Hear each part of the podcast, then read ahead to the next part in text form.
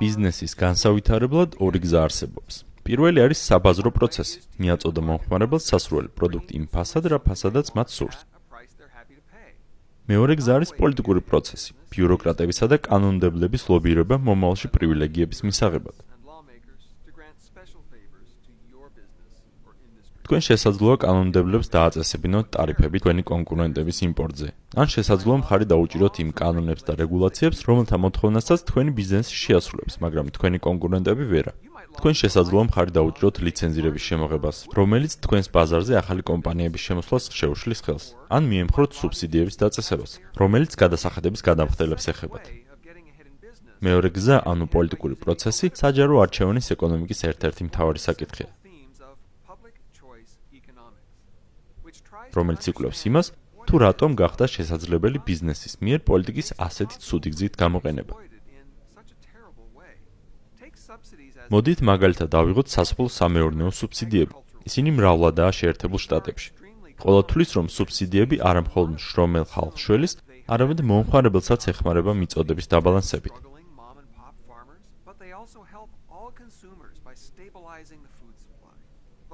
თუმცა რეალურად ეს ორივე დათქმა ტყუილია. სინამდვილეში ფერმერობა საკმაოდ მომგებიანი ბიზნესია, ხოლო სუბსიდირებას ყველაზე კარგი შედეგი დიდი კომპანიებისთვის მოაქვს.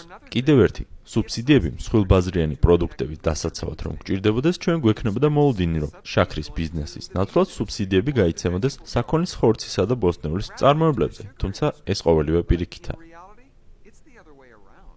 სუბსიდიების განაწილება არ არის დაკავშირებული მომხარებელთან. ყველაფერი პირდაპირ კავშირშია მხოლოდ იმასთან, თუ როგორ მოახდენენ მსხვილი ბიზნესები სპეციალურ ინტერესთა ჯგუფებად ჩამოყალიბებას და რამდენად კარგად დაუკავშირდებიან ისინი პოლიტიკას. აშშ-ს აგროკულტურული სუბსიდირების ერთ-ერთი ყველაზე უცნაური ნაწილი ბამბის წარმოებას ეხება. ყოველწლიურად აშშ 4 მილიარდი დოლარით ეხმარება ბამბის წარმოებლებს. მიუხედავად ბრაზილიასთან და სხვა ქვეყნებთან დადებული შეთანხმებისა, რომ ბამბას არ დაასუბსიდირებდნენ.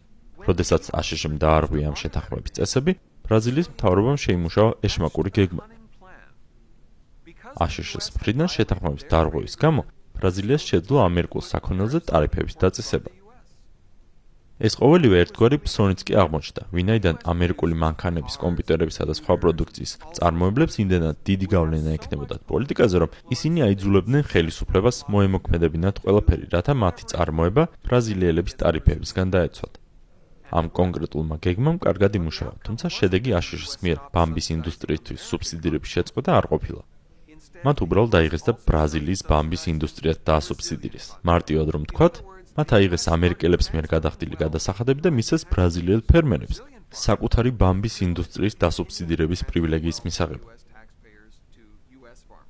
ასეთი ისტორიები კარგად ხსნის, თუ რატომ შეაჯამა ჯეიმს ბიუკანენმა საჯარო არჩევანის ეკონომიკა როგორც პოლიტიკა რომანტიკის გარეშე. ეს ისტორია პარალელურად მიგვითითებს უფრო ღრმა პარადოქსებზე. მაგალითად, როგორ აყენებს უმრავლესობის მიერ მიღებული კანონები ზიანს მომხმარებელთა დიდ ნაწილს და გადასახადების გადამხდელებს. ეს პარადოქსი საკმაოდ ღრმა, რადგან ის გვაჩვენებს უფრო მეც, ვიდრე ფაქტს, რომ ხანდახან ეკონომიკური პოლიტიკა საპირისპირო შედეგს იძლევა. პარადოქსია ისიც, რომ უმრავლესობის მიერ მიღებული კანონები ხანდახან სწორედ იმას აკეთებს, რისთვისაც შეიქმნა. ყველას ხარჯზე ცირე ჯგუფს ამდიდრებს. საჯარო არჩევანის ეკონომიკის ფუნქციაც სწორედ ესაა. გამოარკვიოს თუ რა იწოს უმრავლესობის არჩევანის მათსავე საწინააღმდეგოდ მუშაობას. in its own strange way.